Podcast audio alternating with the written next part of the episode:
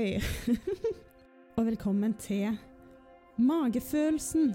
Historier om finne sin vei. Ja, nå står jeg faktisk og holder hendene i været.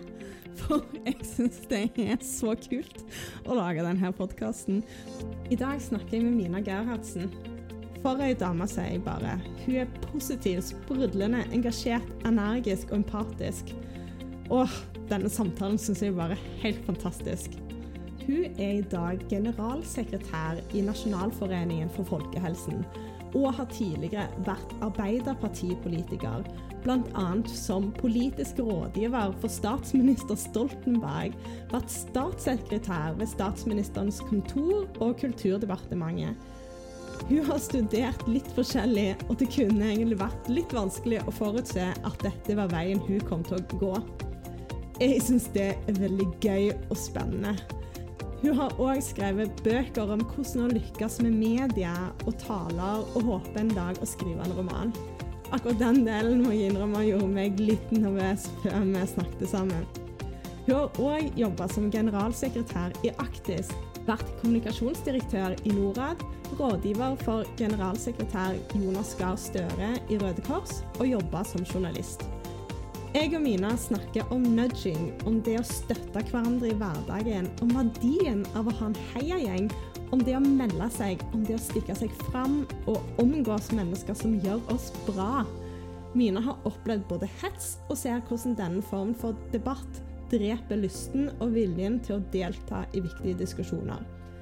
Det som er viktig for Mina, er å ha det gøy på jobb og samtidig kunne påvirke på en positiv måte. Mina har sjøl kjent på hvor viktig det er å ta vare på kroppen, og hvor sårbare vi mennesker er. For i 2012 så fikk hun påvist en hjertefeil etter å ha falt om på baderomsgulvet med babyen i armene.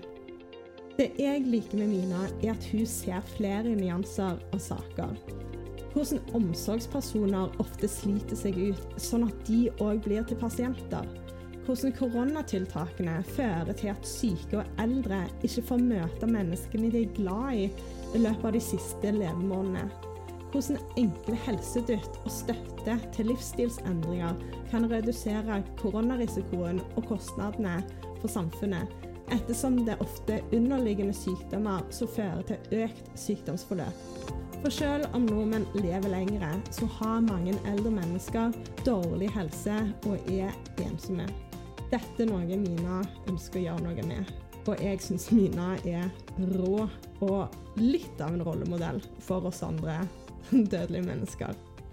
God lytt! Hjertelig takk for at du har lyst til å komme her og snakke med meg i dag. Det syns jeg er veldig stas. Veldig gøy å bli spurt. Jeg har jo invitert deg her fordi jeg syns at vi trenger flere kvinner som tør å satse litt, og tør å være modige og kanskje stå opp mot ting som de brenner for. Og det mener jeg at du absolutt har gjort. Så kanskje du starter litt med å fortelle om hva du er mest stolt over å ha utretta i livet? Det er et veldig stort spørsmål. Og så kommer du på hvilken del av meg er det du spør om. Altså private mine, og så er det selvfølgelig ungene mine, mm. som jeg er kjempestolt av. Akkurat nå er jeg veldig stolt av å få lov til å lede en stor organisasjon med en lang historie i Norge. Nasjonalforeningen for folkehelsen ble startet til å bekjempe tuberkulose. Mm. Og har jo lokalforeninger i hele landet, så det er jo å få lov til å ta den arven videre er jo en kjempespennende utfordring. Men så har jeg etter hvert levd en stund, så, jeg, så du skulle spørre meg om det. Så jeg tenkte hva er det jeg er stolt av? En av de tingene jeg er skikkelig stolt av, er at jeg, da jeg var ungdomspolitiker, så fikk jeg opp temaet vold mot unge jenter. Mm. Og fikk laga en kampanje hvor vi reiste rundt på skoler og snakka om at vold mot kvinner også kan ramme helt unge. Og vi fikk så kjempeengasjement på det, og hver gang jeg holdt foredrag, så kom noen bort og fortalte den etterpå. Så den følelsen av å gjøre en forskjell sånn helt direkte, den sitter jeg veldig igjen med fra den kampanjen der. Så på stoltlista mi så står den ganske høyt. Så bra. Det tenker jeg kanskje sier litt om verdiene dine. Har du lyst til å snakke litt om hvilke verdier som påvirker deg som person, og om det er noen verdier som har leda deg litt gjennom livet? Ja, jeg kommer fra et hjem der det å engasjere seg har vært viktig. Vel vokst opp at du skal bry deg om andre og, og gjøre noe med det du ser som du syns er ugreit. Mm. Så det har nok vært veldig førende for valgene jeg har gjort, både i utdanning og engasjement. Jeg har vært med i ungdomsorganisasjoner siden jeg var 13 eh, år. Mm. Så jeg har alltid vært eh, aktiv eh, og fått lov til å gjøre mye forskjellig og engasjere meg mye ulikt. Men den der hele tiden driven om at alle må bidra for å forandre til det bedre, det er kanskje en veldig viktig grunnverdi for meg. Mm. Og det å, å, tro på fellesskap, at vi, vi blir bedre sammen. Mm. Gjøre ting, altså både det er aktivt å gjøre ting sammen, men at det er bedre for alle at alle har det bra. Det er ting som ligger veldig i grunn. Så er det jo verdier sånn ellers eh, Jeg tror veldig på å være snill. Ja. det er en fin verdi, da. Ja, det er litt sånn læring gjennom livet. Hva er faktisk viktig? Ja. Jeg velger meg snille mennesker rundt meg. Jeg mm. prøver å være det sjøl. Tror du kommer langt med det. Og så ja. lojalitet. Det å kunne stole på de rundt deg hvis man skal jobbe sammen eller ja, få til andre ting sammen. Og så vite at noen har ryggen din. Mm. Det gjør at du også kan tørre mer. Mm. det er noen verdier som jeg syns er viktige. Ja, absolutt. Hvordan sørger du for at du etterlever verdiene og følger magefølelsen, og prioriterer det som er viktig for deg, istedenfor å bli litt sånn pusha rundt av en travel agenda eller det andre vil? Ja, det handler jo mye om de store valgene. Altså hva jeg velger å jobbe med, f.eks. Jeg har tidligere vært politiker og noen ville kalt det spinndoktor, for jeg jobba med kommunikasjon for statsministeren. Mm. Det er klart at Da venter det en konsulentbransje som kunne vært interessant, men det var ikke riktig for meg. Jeg vil jobbe for ja, for de snille. Jeg har lyst til å engasjere meg, forandre verden til det bedre. Mm. Da kan du ikke bare være styrt av oppdragsgiver. Da må du mm. få lov til å ha det glødende hjertet og velge oppgaver ut fra det. Så Det er kanskje en sånn praktisk måte verdiene speiler hverdagen på. Og med det å være snill, så tenker jeg eh, alle trenger å bli sett. Også de proffeste, øverste trenger tilbakemelding, trenger hyggelig respons. Jeg prøver alltid, når jeg ser noen jeg kjenner på Dagsnytt 18 eller TV eller noe sånt, å sende melding og si at det var bra. Ja, det er hyggelig. jeg veit litt om hvor ensomt det kan være. Ja. Når du går ut av Dagsrevyen, og det er helt stille, du vet at kanskje én million mennesker har fått det med seg, og ingen sier noe. Mm. Så det er en sånn aktiv hverdagshuskeløp til meg selv. Husk å si fra hva som var fint. Ja, Det er det kanskje altfor få som gjør. Jeg har jo vært tett på en del politikere og ser jo at eh, ja, det er få som gjør det. Og så tror man kanskje at de som er på toppnivå, er så suverene. De trenger ikke høre. Mm. Alle trenger å høre. Mm. Alle trenger tilbakemelding. Ja. ja. jeg opplevde faktisk det i går. Jeg hadde en venninne som hadde sin første arbeidsdag. Ja. Og da huska jeg det. Og da var jeg litt sånn Yes! At jeg huska å liksom, eh, ønske lykke til. For det er noe noen andre har gjort til meg en gang, som ja. jeg bare syns var innmari fint. Og jeg kommer sikkert aldri til å glemme det. Så rart med sånne småting ja. som folk gjør akkurat sånne ting som det der. Legg merke til, huske, si fra. Mm.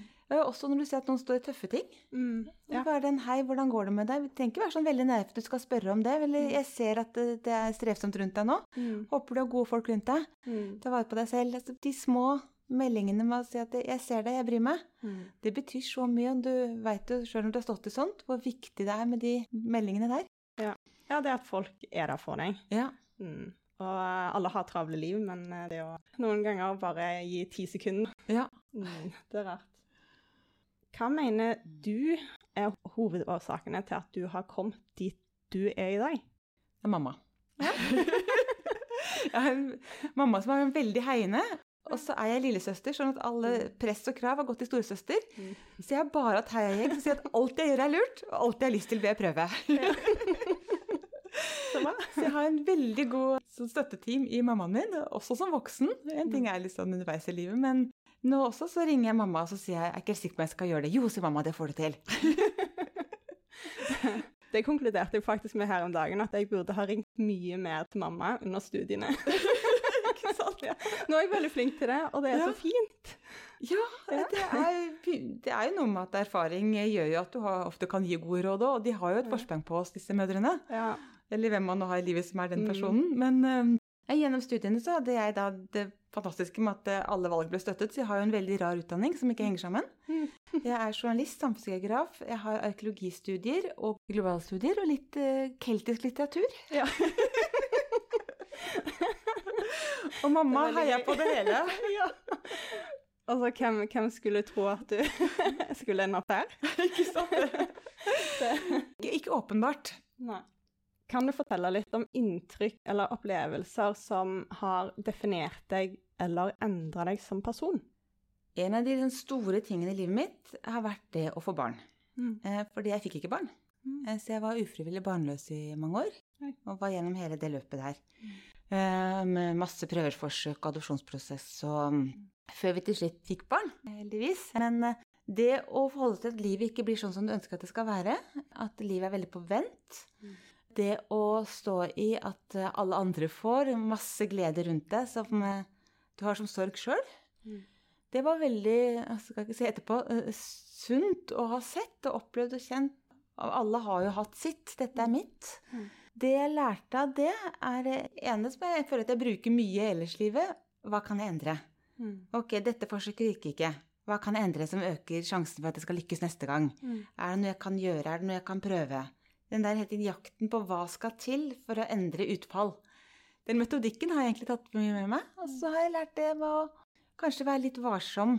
Hvis mange kan ha ting de bærer på som vi ikke ser, som vi ikke snakker om. Det er blitt litt mer åpenhet om eh, barnløshet nå enn det var da jeg drev med dette, men jeg spør aldri om folk har barn. Mm. Fordi jeg veit hvor innmari stort det kan være. Mm. Og andre kan andre ting, så at vi skal være litt forsiktige med hverandre. Kanskje litt flinkere til å tenke at det kan være grunner vi ikke vet om, og ikke spørre mer, eller la folk fortelle det de har å si. Mm. For meg har det vært en sånn veldig definerende ting i livet mitt. Så er det lett å snakke om nå, fordi jeg har to fantastiske barn. Mm. Men mange som opplever dette, får jo ikke det utfallet. Livssorger lærer vi også av. Om å mestre, og vi blir klokere av det uten at det unner noen det. I den tiden du gikk gjennom, er det noe du hadde ønsket at samfunnet eller mennesker rundt deg hadde gjort mer av? Det er akkurat det med å ikke spørre så mye. Mm. Jeg fikk jo veldig mye kommentarer på ja, nå skal vel du snart ha barn, jeg var nygift og 30 år og Veldig sånn du skal selvfølgelig det, eller eh, har kanskje ikke tid, du setter jobb foran, du forventninger til Veldig. deg, liksom. Ja. Mm. Så et sånt press, og så og kanskje litt forståelse for fra andre. Det, man blir jo veldig full av babylykke når man får baby. Mm. Kanskje se Må dele det så massivt med venner som ikke har barn. Ja. så litt med hensyn. Men samtidig så prøver jeg å tenke at det var min ting, og så vet jeg at andre har sine ting. Mm. Noe kan være vanskelig å snakke om eller nettopp bli eksponert for. Sånn at eh, rett og slett at vi skal være litt mer varsomme med hverandre. Mm. Jeg gikk gjennom et brudd og det var veldig mange som reagerte og nesten kritiserte meg for ikke å være på Snapchat på den tiden. Ja. Så jeg kjenner veldig igjen den å ha behov for å bare gjøre min egen greie en stund. Mm. Og så får du dytta på det andre syns er gøy, og så ja. føler du at det du gjør, kanskje er feil, mm. eller at du mislykka, eller at det bare det blir mange ytre press som blir vanskelig. Forventninger hvordan det skal være, mm. som ikke alltid vi klarer å innfri. Mm. Og det er jo det egentlig som er en av hovedårsakene til at jeg ønsker å lage den podkasten. Ja. For jeg tror at folk har det bedre hvis de stoler litt bedre på seg sjøl, mm. og at folk lar andre være seg sjøl istedenfor mm. å presse. For som du sier, noen ganger så er det årsaker som du ikke kjenner til, og andre mm. ganger så er det bare at vi er ulike. Ja. Og at det kan gjøre at folk blir mer ulykkelige mm. hvis de føler på mye press og ender opp med å faktisk vike under for presset, da. Ja akkurat det. Mm. Hva håper du aldri vil skje? Akkurat nå tenker jeg veldig mye på demens, for jeg jobber med demens. Og det syns jeg er en uh, veldig skremmende sykdom. Mm. Uh, fordi den, uh, det fins ingen kur, det fins ikke noe behandling. Og måten den virker på, at rett og slett koblingen i hjernen din brytes. Mm. Det syns jeg er veldig skummelt, at du, du, mister språk og tanker. Jeg er veldig glad i å skrive, snakke, lese, diskutere. Mm for egen del å miste det. Mm. Det syns jeg høres veldig, veldig skremmende ut. Mm. Det er det mange ting man kan være redd for, men jeg kjenner med den jobben jeg har, at jeg tenker mye på at eh, jeg håper så inderlig at jeg finner en kur, mm. sånn at ikke andre rammes av det i framtiden, men også for egen del. Det er jeg bekymra for. Mm. Kan du fortelle om din egen opplevelse av det å møte motstand eller utfordringer, og hva som har hjulpet deg til å stå støtt gjennom stormer? Ja, jeg har tidligere hatt en jobb hvor jeg opplevde mye netthets. Mm. Og det var, eh, det var, en ny opplevelse, for jeg hadde, har jobba med politikk i veldig mange år. Men aldri opplevd den siden av det. Så det hadde vært saklig uenighet og tøffe diskusjoner. Mm. og Enten vi snakket om eh, bør vi ha OL i Norge, eller mm. proffboksing, bør det være lov, eller jeg jobba med EU-kamp. Saker hvor det har vært masse engasjement. Men så jobbet jeg med, med ruspolitikk. Mm. Og da oppdaget jeg en helt ny debattmåte som var veldig vanskelig. Det var mye personlighets. mange kanaler hele døgnet innimellom. Og det er kanskje det mest sånn jobbmessig slitsomme jeg har stått i. fordi at jeg hører veldig mange ganger om dagen at du er et grusomt menneske. Det, Mm. Selv om du tenker at jeg er uenig med deg eh, og syns ikke du har så gode argumenter, så er det slitsomt. Ja. Og det at det kunne dukke opp på min private e-post lørdag kveld, altså sånn, den følelsen er aldri fri, Mm. Det er kanskje det vanskeligste jeg har opplevd sånn på jobb. Og det som gjør at man står i sånt, det er jo folk rundt. At jeg hadde kjempefine kollegaer, og at vi kunne tulle med ting, det, det tror jeg alltid er viktig. Det må alltid være lov å tulle. Så godt team rundt meg, og godt hjemme. Du tåler mye vind hvis du har et trygge folk rundt deg som støtter deg. Så så lenge jeg opplevde det, så gikk det an å stå i det. Og så, men jeg skal være veldig ærlig på at det var en kjempeslitasje å, ha det der. Så det at vi har den nettdebatten, den formen vi har, jeg tror vi skremmer veldig mange vekk og mister veldig mange viktige argumenter og stemmer og erfaringer. Mm. Fordi det er blitt så hardt. Så du må være så tjukkhuda for å være i noen diskusjoner. Og det er synd. Mm. For det er helt reelt å være uenige om vindmøller. Ja. Men vi bør kunne være uenige om det på en måte som gjør at eh, alle tør å være med i samtalen. Mm. Og den ikke blir så hard at eh, folk skremmes vekk, for da mister vi noe viktig. Jeg opplever i stor grad at vi snakker person, ikke sak. Ja. Som jeg sliter veldig med når jeg leser medier. Er det noe du har opplevd har blitt verre gjennom tidene, eller er det bare enkelte saker som det skjer mer med enn andre? Det er nok blitt mye mer personlig. Det har det. det. Men det er blitt sosiale mediers form også. Mm. Vi byr jo mer på oss selv. Vi er der ute og forteller hva vi liker i fritida, og deler bilder av oss selv. Altså vi, det blir jo en mer personlig relasjon, på godt og vondt. Mm. På godt tror jeg det er fint at uh, man ser hva mannen til Olaug Bollestad driver med på fritida. Og det er fint, det ufarliggjør politikerne og kanskje gjør det mer tilgjengelige. Men du får også den andre siden, at man kan bli tatt på mye mer personlig. Det blir, uh, det blir noen grenser som faller bort. Og som gjør at du også får den for noen veldig stygge siden. Jeg har aldri opplevd liksom, de verste, som særlig kanskje kvinner med min tesbakgrunn opplever. Mm. Eh, eller det veldig seksualiserte som synlige kvinner får. Mm. Og det er klart at det skal mye til å orke å stå i det over tid. Når du får mye av den sorten, og også reelle trusler, som gjør at du må være forsiktig resten av livet ditt. Mm. Så det, er, det, det har skjedd noe her som er dramatisk for, for demokratiet vårt. Absolutt. Det er synd. Det er veldig synd, så Mm. vi må se på hva vi får gjort med det. ja. Får håpe, at du og flere kjemper sånne kamper. For jeg, jeg syns det er så viktig at folk tør å si sine meninger, og det er jo det som utfordrer til endring, tenker Ja. jeg, da. Og da hvis vi får færre og færre, så vil jo bare alle hjertet med, og så blir ikke det heller bra hvis, vi ikke, ja, hvis det er noen Ja. som bare får styre. Ja, hvis det bare er de som er ropert, som orker til slutt, så mister vi veldig mye. Ja, særlig mennesker som har relevante erfaringer og innspill, som bare ikke orker å utsette seg for kommentarfeltet. Ja, og kanskje empatiske mennesker som er de som blir mest påvirka. Ja. Folk som ja, kjenner veldig mye på følelser, og kanskje òg klarer å sette seg inn i andre sin situasjon, og har veldig gode hensikter. Og det, vi må jo ta vare på de, tenker jeg, da. Ja, vi, vi trenger de med i diskusjonene. Mm.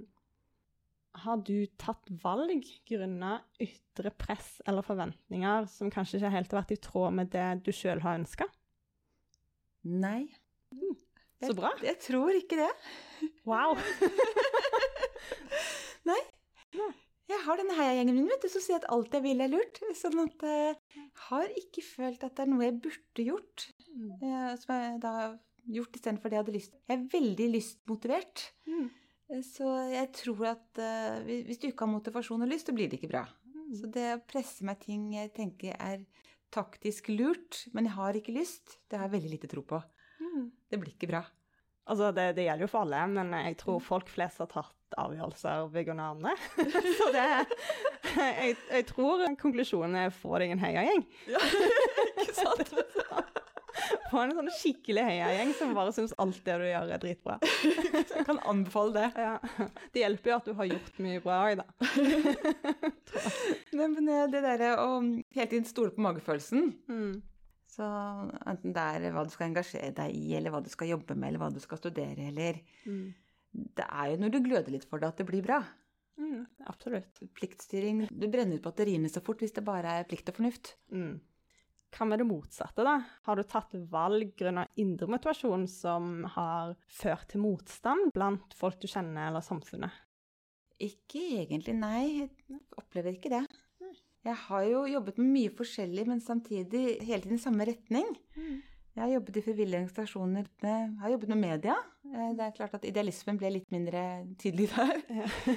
Men det, det, kjente jeg jo også på, så jeg, jo, jeg trodde jo at det var journalist jeg skulle bli. Mm. Eh, så jeg var jo i Dagbladet noen år og noen andre steder. Mm. Da kjente jeg Da jeg følte ikke noe press for å verken begynne eller slutte, men da kjente jeg at uh, nå har jeg gjort dette. Jeg kan krysse opp på lista, men det er ikke det jeg skal gjøre.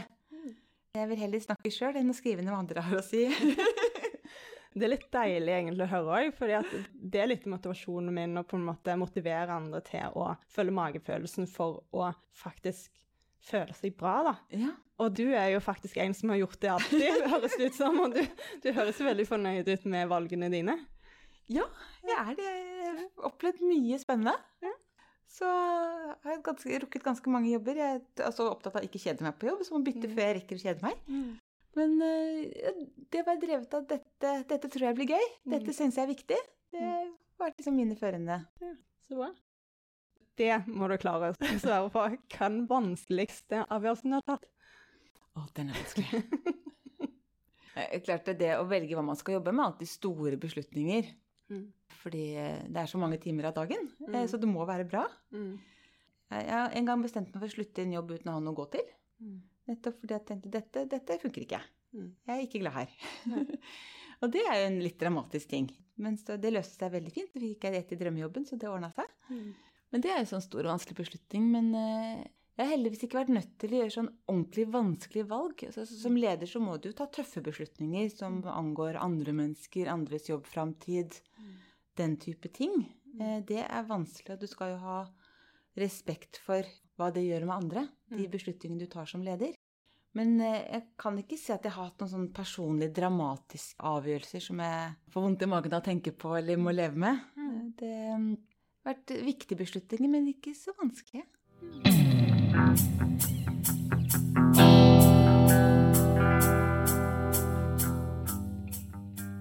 Denne her er ganske personlig. Ja. I dag så skal eh, hun i Dagsnytt 18 om det temaet. Da er det viktig at mange følger med på Twitter og er mm. klare til å svare. Ja. Og at du får litt den der kraften rundt ja, til å hjelpe deg. Gi litt drahjelp. Fordi de som får mest av dette her, er jo gjerne folk som har et apparat rundt seg i utgangspunktet. Du må bare mobilisere det.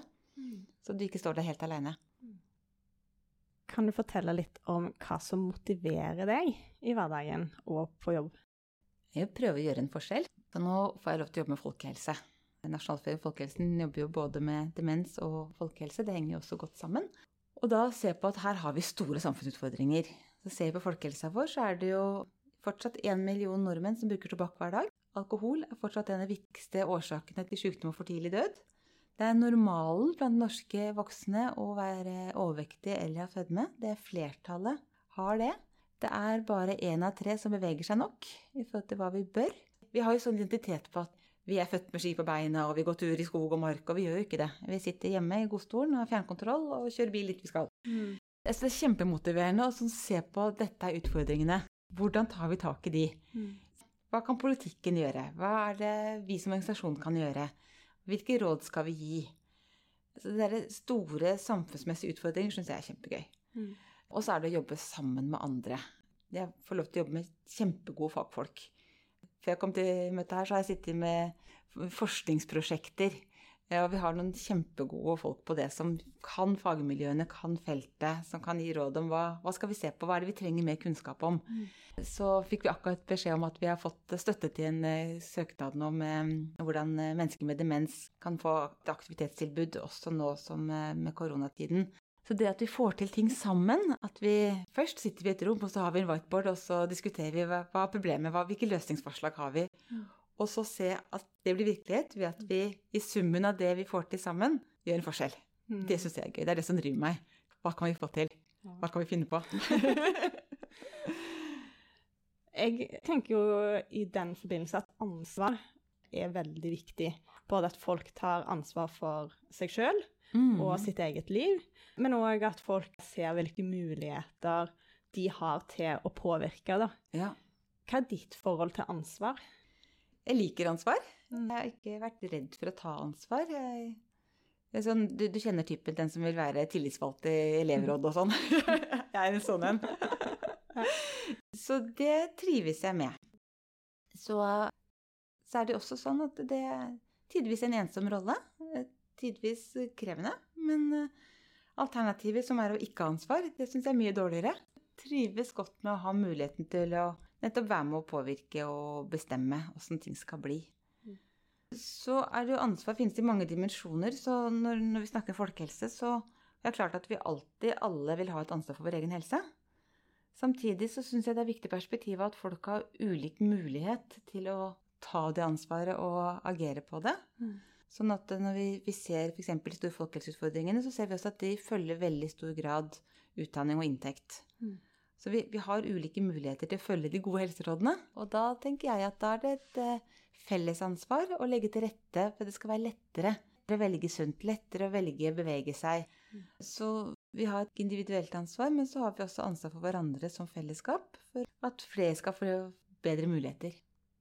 Hva tenker du da store organisasjoner og private bedrifter mm. som kanskje ikke tar det ansvaret som de kunne ha tatt? Mm. Hvordan tilnærmer du deg sånne personer eller sånne bedrifter for å kanskje få de til å se hvordan de faktisk kan utgjøre en forskjell, og hvilket ansvar de har i samfunnet? Jeg tror vi kommer et stykke vei med kunnskap. Altså rett og slett forstå mekanismene. Hva er det som skal til? Nå er det veldig trendy med dulting, altså mm, nudging. Mm. Mm. Og det er klart at de helsevalgene vi ikke trenger å ta aktivt, de er mye bedre. Du tar liksom ikke av beslutningskvota. Mm. Og fjerner sjokoladen fra skapet. ja, nettopp det at uh, tallerkenen er litt mindre i buffeen. Et av mine favorittiltak er en sånn trapp i Stockholm. De har laget eh, pianotrinn. Så når du går, så spiller den. Det er, klart, det er mye gøyere å gå trappa da enn om det står et skilt om at det er lurt å ta trappa, det er sunt for helsa di. Ja. Da blir det sånn der, da må jeg bruke sånn, eh, helseansvarskvota mi på mm. å gå her fordi det er bra for meg. Jeg har mye mer lyst til å gå der, for det er gøy for meg. Så det der å tenke på hvilke mekanismer hva er det vi kan spille på som gjør at folk tar trappa istedenfor heisen. Mm. Kanskje kan du ha en quizløype oppover. altså Hva er det som gjør at det blir morsomt? Som jobber, da har de konkurranse, så alle som går trappa opp, kan krysse, og så er det premie. Ja. Hvis de det blir gøy istedenfor den fornuftsbaserte. Mm. For fornuften, vi vet jo alle sammen at det er eh, bedre å spise eple enn potetgull. Mm. Når vi likevel tar det valget, så er det jo grunner for det. Men mm. nettopp eh, du sa det med hva som ligger framme. Hvis du kommer til kassa, er sliten sulten, og det er eple der istedenfor sjokolade, så er det litt lettere å velge det. Ja. Så dagligvarebransjen har jo etter hvert ganske mye kunnskap om hvordan vi tar valgene våre, og kan hjelpe oss på å ta dårlige valg eller gode valg for helsa. Mm. Så det er jo de som kan påvirke at de ser ok, hvordan kan vi være positivt bidrag, da. Mm. Samtidig som matbutikken er laga for å tjene penger, ikke for hele helsa vår, så du trenger politikerne til å bestemme. Absolutt. Uheldigvis. det er ikke sånn at alle vil redde verden. Nei.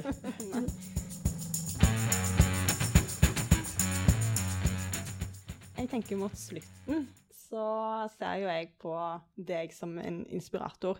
det er jo du... veldig hyggelig at du sier det. Jeg er stolt. Men jeg, jeg skal innrømme sånn, når jeg var yngre, så tror jeg jeg kunne trengt å kjenne til flere personer. Enten liksom at det var tilgjengelig informasjon via en podkast eller et TV-program eller en bok mm. eller et eller annet som gjorde at jeg kunne lese om folk som var likere meg. Mm. For jeg har i stor grad følt meg veldig ensom. Mm. Og kanskje litt sånn annerledes og litt mye. Fordi at jeg liker å utfordre, og jeg har egne meninger. Og jeg er kanskje litt sånn idealist. Ja. og, og, det tror jeg enkelte kan provoseres litt av. Mm. Så for meg så har det vært så innmari deilig å finne andre som jeg kan følge og høre om.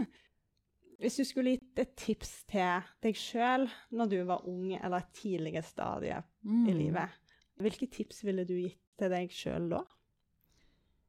Jeg holder av og til foredrag om akkurat det. Mm. Og det, det viktigste er det å si fra at du har lyst.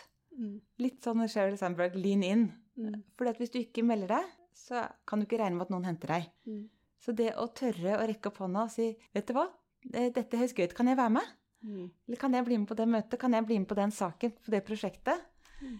Eh, ikke vente på invitasjonen, men eh, ja, melde seg til tjeneste.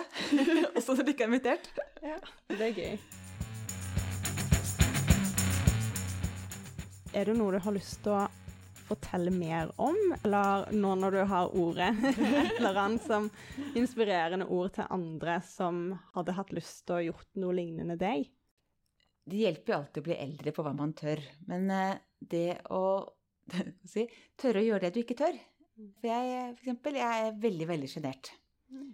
Det er jo ikke så mange som tror på, men jeg er kjempesjenert. Jeg syns f.eks. å ringe på sånne dørklokker, det er veldig skummelt. Lede leker i barnebursdag syns jeg er råskummelt. Men det å snakke for tusen mennesker på talerstol, det går helt fint. så det er liksom det å finne hva skal til for at jeg skal tørre ting. Og jeg er da sjenert, men jeg, jeg syns det er gøy å holde foredrag. Jeg har skrevet en hel bok om å holde foredrag. Så å finne hvordan skal jeg få til det jeg syns er gøy, men også skummelt. Og for meg har det hjulpet å få lov til å ta rollen. Så hvis jeg skal komme og være bare Mina inn i et rom med masse mennesker, det, det syns jeg er vanskelig. Da kvier jeg meg skikkelig for å gå bort til noen.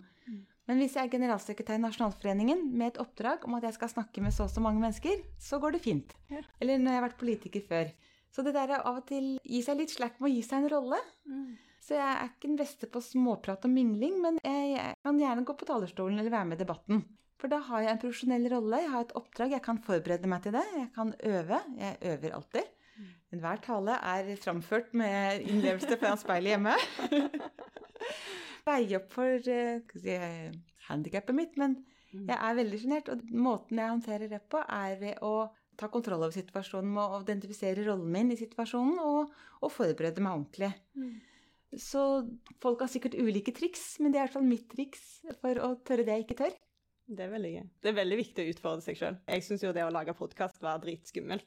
Husker liksom, Nå har jo jeg kontakta noen av de kvinnene i Norge som jeg syns er kulest. Så jeg føler sånn Oi! Og så har jeg lest den boka di, eh, 'Mestre medier' og nei, Jeg tror heter en om å lykkes med taler, en om å lykkes med media. Ja. Og da ble jeg litt sånn Oi. Men det De er viser jo at alle kan få til. Det er målet med boka mi. Dette her er det oppskrifter å følge, tips som alle kan klare. Dette er mulig. Jeg syns det er deilig, for det er rart hvordan det å intervjue og Mhm. sitte foran mikrofon, det er noe jeg aldri har gjort før, og som har gjort meg nervøs. Men så er det litt rart med eksponering. Og fordi at jo mer du gjør det, jo mindre farlig blir det, så plutselig så går det helt fint. Ja, det er noe med det. Ja. I går så kom jeg til et arrangement som jeg ikke visste så mye om. Mm. Og så sa de ja, du skal jo holde en tale. Ok, det visste ikke jeg. Men tenkte det går sikkert fint, for jeg har jo holdt en tale før. Og temaet var jo ikke ukjent. Da fikk jeg sånn tre minutter til å lage talen min, da. Og så går det jo bra, men det er klart at mengdetrening hjelper veldig når de situasjonene der oppstår. Ja, jeg mange som hadde mista den situasjonen. and you can't sleep. You're scared for your money, scared for your life. Sånn avsluttende, Mm. hva ønsker du å ha utretta innen asken din blir spredd på hytta? For det er der du ønsker Det, det er planen min. Jeg har skrevet en blogg, så det, det gjelder. Det store målet mitt Jeg har jo masse sånne jobbmål. Gjøre en forskjell, påvirke positivt sånn. Men jeg har veldig lyst til å skrive en roman en gang. Oi. Så jeg har første setning, og jeg har tema. Oi. Så jeg mangler bare resten. Ja. Er det noe du kan dele, eller er det Nei, det må, det må skrives først. Ja. Mm. Veldig gøy. Du er et menneske som jeg tror mange ser på som litt sånn overmenneskelig. Fordi Nei. at du har utretta veldig mye. Jeg Ja. husker mennesker som hadde utretta mye når jeg var spesielt i starten av 20-åra. De syntes jeg var veldig skummel. Så for å gjøre deg litt mer menneskelig, hva er det pinligste du har opplevd? Det er ikke så mye jeg blir flau av, så er jeg kontrollfrik, så jeg kommer sjelden i situasjoner hvor det blir helt krise. Men sånn opplevelsen som sitter litt i, det er lenge siden. Eh, siden jeg er kontrollfrik, så er det aller verste du kan utsette meg for, er rollespill. Det er grusomt, rett og slett. Så jeg var på et seminar, og jeg ble bedt om å delta i rollespill. Og nå er jeg 20, så det er mye yngre enn nå. Og litt annet eh, kontekst enn de seminarene jeg er på nå. Men da endte det med at eh, kollegaene mine mente at jeg skulle være med, så jeg ble båret opp gjennom hele forsamlingen. Og den følelsen der Jeg tenker Av og til må du bare gjøre det du får beskjed om. Og protestere gjør det verre. Å, det hørtes ganske fælt ut. Det var ganske fælt. Det var gøy. Det var en veldig bra historie. Den sitter i, i hvert fall. Ja, det, det skjønner jeg. Så jeg, jeg tror spesielt den bæredelen, det, det tror jeg ikke gjorde det så mye bedre, eller? Det, det hjalp ikke på å gjøre det mindre kleint. Det gjorde ikke det. Da følte du deg veldig eh, avslappa når du først sto på scenen. Topp stemning. Og klar for innsats, ja da. Yes. Hjertelig takk for at du kom. Det har vært veldig spennende. Tusen takk for at jeg fikk komme. Takk for en spennende samtale. Husk selvfølgelig å følge podkasten der du hører på meg. Gå gjerne inn på magefolelsen.com med O, og òg magefolelsen.podkast på Instagram. Der finner du meg, og der får du oppdateringer om nye samtaler som jeg har med mange spennende folk. Og så har jeg òg skrevet en del informasjon om min bakgrunn og min historie. Vi snakkes!